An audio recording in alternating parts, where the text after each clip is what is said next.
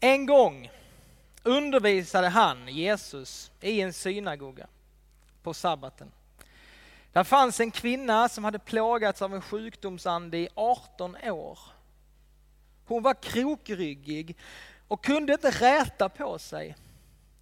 När Jesus fick se henne kallade han på henne och sade Kvinna, du är fri från din sjukdom. Och så lade han sina händer på henne. Genast kunde hon räta på sig. Och hon prisade Gud. Men synagogsföreståndaren som förargade sig över att Jesus botade på sabbaten sade till folket, det finns sex dagar då man ska arbeta. På dem kan ni komma och bli botade, men inte under sabbaten. Herren svarade honom, hycklare, finns det någon av er som inte löser sin oxe eller åsna från krubban också på sabbaten och leder ut och vattnar den? Men här är en Abrahams dotter som Satan har hållit bunden i 18 år. Skulle hon inte få lösas från sin boja på sabbaten? Dessa ord kom alla hans motståndare att skämmas. Men folket gladde sig över allt det underbara som han gjorde. Så lyder det heliga evangeliet. Lovad vare du Kristus. Jesus han helar en kvinna på sabbaten. Det var för judarna på lördagen som var den judiska vilodagen. Eh, det fanns tydliga regler om vad man fick göra, framförallt vad man inte fick göra på den här dagen. Man hade bestämt en lång lista på vad är arbete och vad är vila. Och så hjälpte man människor att försöka förstå det. Vad är arbete, vad är vila? Och det fanns en hel, så mycket av det. Bara en intressant sak med detta, det är andra gången i Lukas evangelium som Jesus botar en person på sabbaten. Första gången så var det en man med en förtvinad hand som Jesus helar på sabbaten och den blir helt frisk i Lukas 6. Och nu sa denna kvinna med en krokig rygg. Och Lukas, när han skriver sitt evangelium så är han en väldigt medveten teolog. Och utifrån alla helande som Jesus gör i Lukas evangelium, utifrån alla liknelser och sånt, så ger han ett exempel på en kvinna och sen ger han ett exempel på en man. Eh, och genom att berätta berätta på det sättet så visar Lukas att Jesus han gjorde inte skillnad på kvinnor och män. Vilket på den tiden var väldigt revolutionerande. Lukas han är konsekvent i sitt evangelium, att Jesus möter män och kvinnor på samma sätt. Jesus han helar den här kvinnan. Hon led troligtvis av skolios eller någon annan ryggåkomma. Hon hade en krokig ryggrad. Och så läser vi om hur Jesus såg henne. Och så säger han kvinna. Och hade jag sagt kvinna till min fru eller, eller till Charlotta som jag jobbar med, kvinna. jag vet inte hur du hade reagerat Charlotta jag tycker det kan upplevas lite nedsättande, lite respektlöst på svenska. Men i, på grekiskan, som det är skrivet och i den formen det är skrivet, så är det inte något hårt tilltal, utan det är ett tilltal som är väldigt ömt och som är fullt av respekt för den här kvinnan. Jesus tilltalar henne på ett ömt och respektfullt sätt och han ser henne med ögon som säkert ingen annan hade sett henne på för så lång tid. Jag tänker att han fick liksom böja sig ner så att hon kunde, han kunde få ögonkontakt med henne. Och så talar han till henne.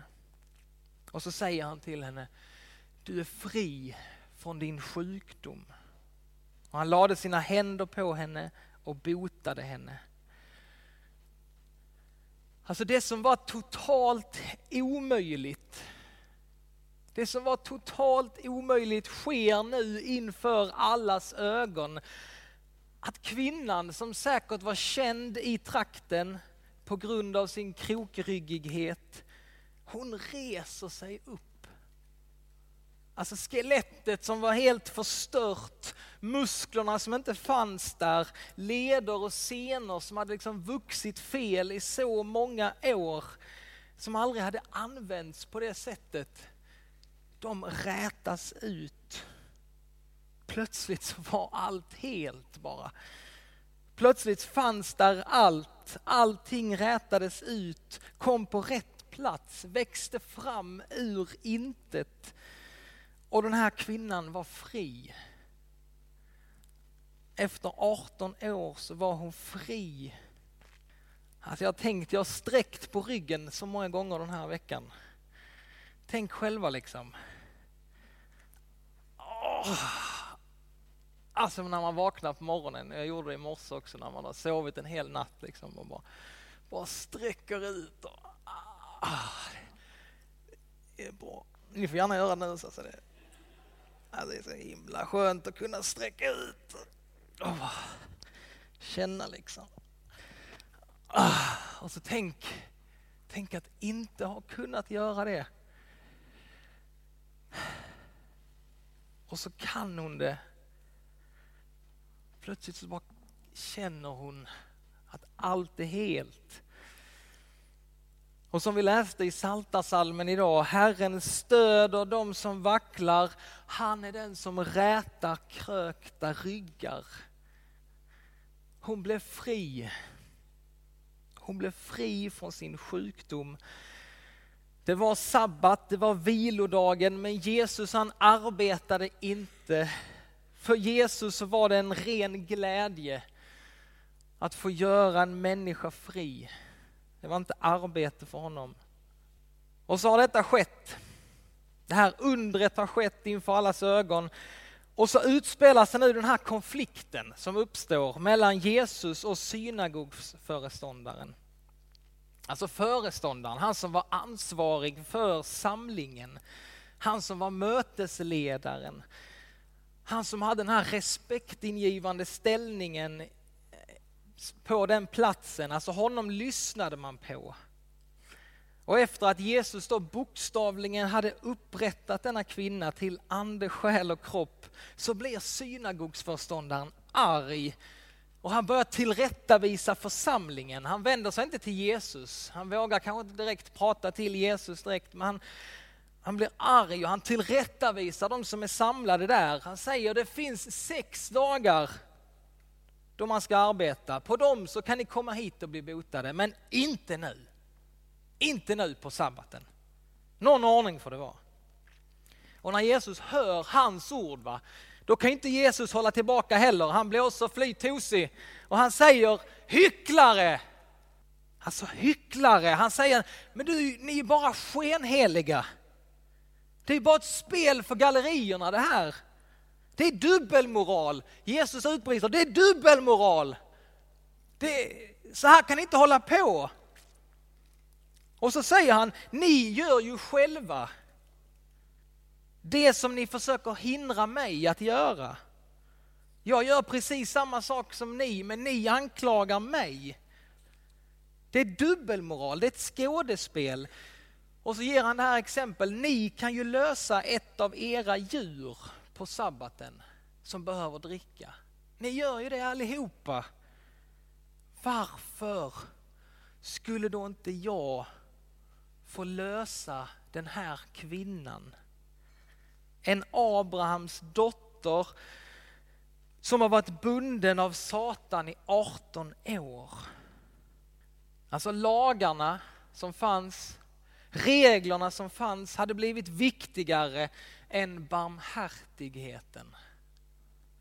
Och Jesus han reagerar, han upprörs i sitt inre. Laglydnaden hade blivit viktigare än kärleken till medmänniskan. Vid ett tillfälle så säger Jesus också så här, gå och lär er vad som menas med orden barmhärtighet vill jag se, inte offer. Barmhärtighet vill jag se, inte offer. För jag har inte kommit för att kalla dem rättfärdiga. Jag har kommit för att kalla syndare. De krokryggiga. Och den här berättelsen, den är en del av den stora berättelsen som Lukas försöker då berätta i sitt evangelium, som Jesus har kommit att berätta, så är det en del som visar på liksom det stora som Jesus skulle göra. För Jesus, han har kommit för att befria Israel ur djävulens våld. Och när man läser nu, när man då bara läser en text och så kommer eh, Satan eller djävulen in och så, så blir man lite liksom, det kan, man kan tycka det är lite konstigt. Men om man läser hela Lukas evangelium så ser man att djävulen för, förekommer vid andra tillfällen också. Han är med i den stora berättelsen. Eh, och i första gången i Lukas evangeliet så är det i kapitel 4.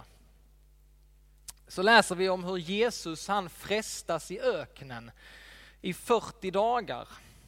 Och där konfronteras han med djävulen.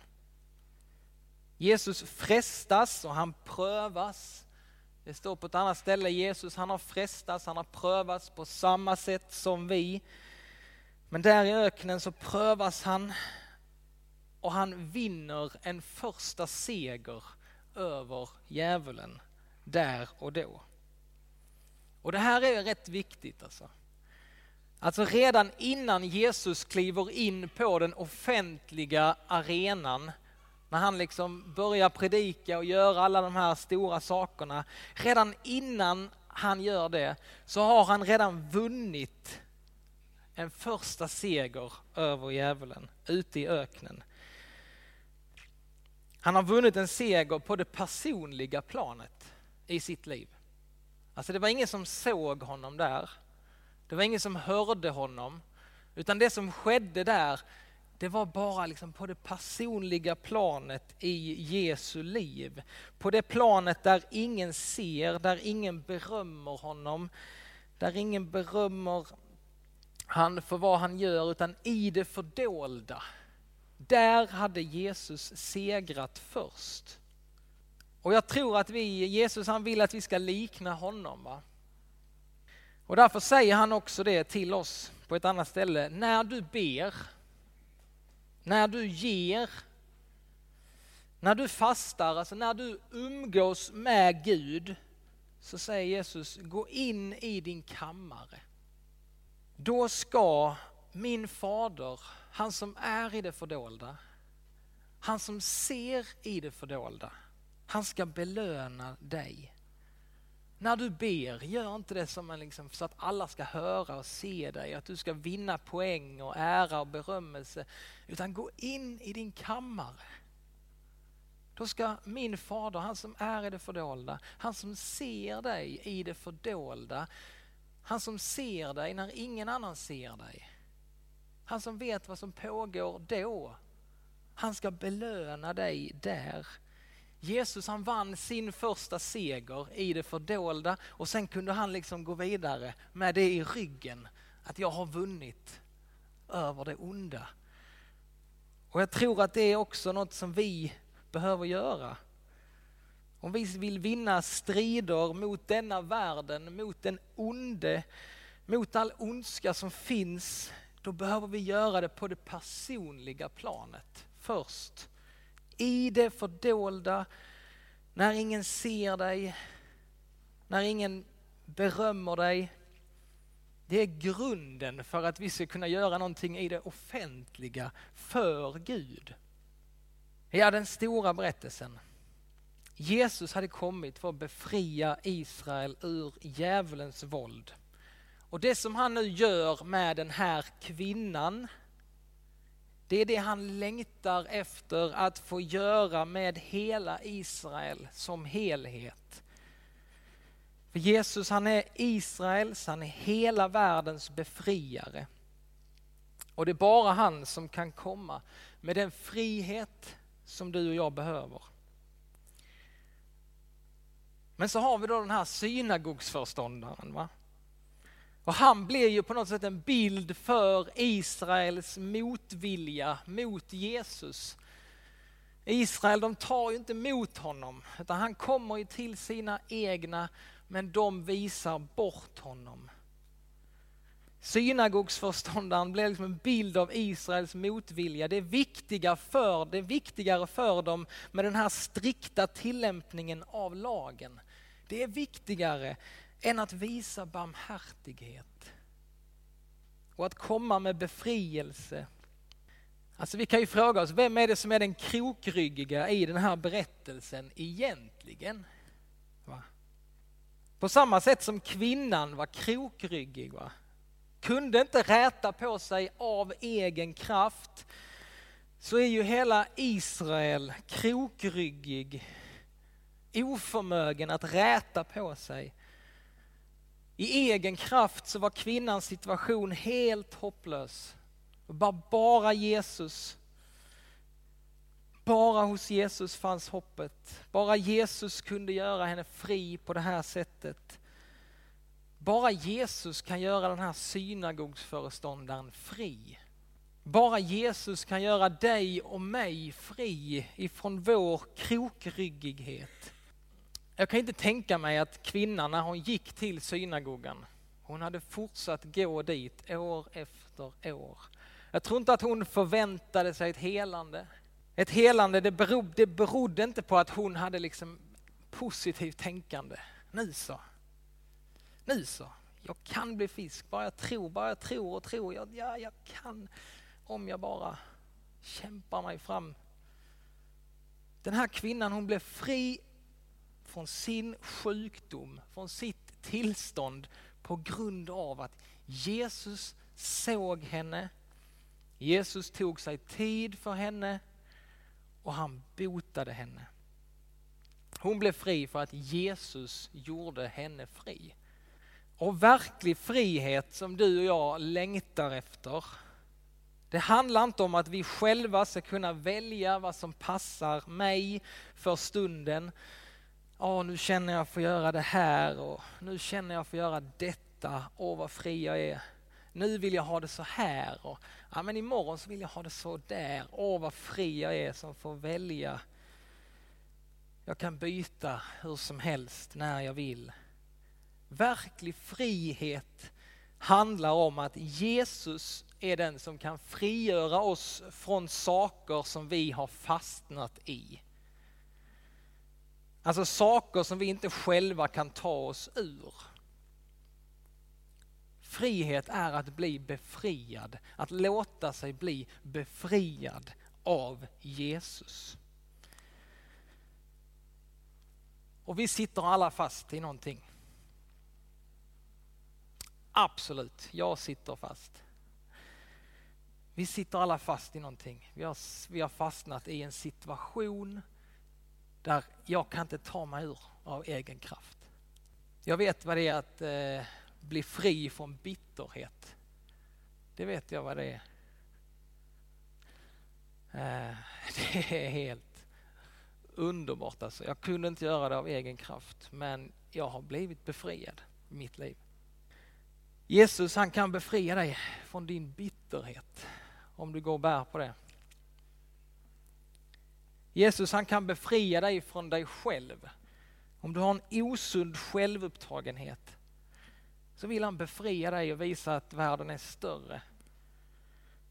Jesus han kan befria dig från synd och skam. Om det är så saker som har hänt för 18 år sedan eller ännu längre tillbaka så kan han göra dig fri och ren Jesus han är den som kan befria dig från tankebanor som mal i ditt huvud. Lögner som har fått fäste där i ditt liv och som påverkar dig. Tankebyggnader som du inte av egen kraft kan ta dig ur. Jesus kan befria dig från det. Han kan befria dig från en felaktig självbild så vill han berätta för dig vem du verkligen är i honom. Han kan befria dig från all form av missbruk. Alkohol, droger, spelande, porrsurfande. Han vill befria dig. Han kan befria dig från fysisk smärta. För han är densamme igår och idag och i evighet och ingenting är omöjligt för honom. Vi vet inte hur han vill befria dig eller hur han kommer göra men vi bekänner idag liksom så som det står, det som vi har läst innan idag, vi bekänner det med kyrkan och Guds folk över hela världen att vår Gud, han håller sina löften. Han är kärleksfull i allt han gör. Du kanske inte tror det just nu. Nej, men låt oss då få tro för dig idag. Du har en församling här som vill tro för dig och som vill bära dig fram till Gud. Vi tror detta inte bara jag personligen, jag som individ, vi tror detta med hela Guds folk. Att han håller sina löften till oss. Han är kärleksfull i allt han gör. Han går inte förbi dig idag. Han går inte förbi dig idag. Han är nära. Han vill befria dig. Han stöder dem som vacklar. Han rätar krökta ryggar. Han är den som öppnar sin hand och så stillar han allt levandes hunger. Han är den enda som kan stilla vår hunger och vår rastlöshet. Herren är nära alla som ropar, ska du veta. Han är nära alla som ropar, alla som av hjärtat ropar till honom. Och han ser dig idag och han kallar på dig.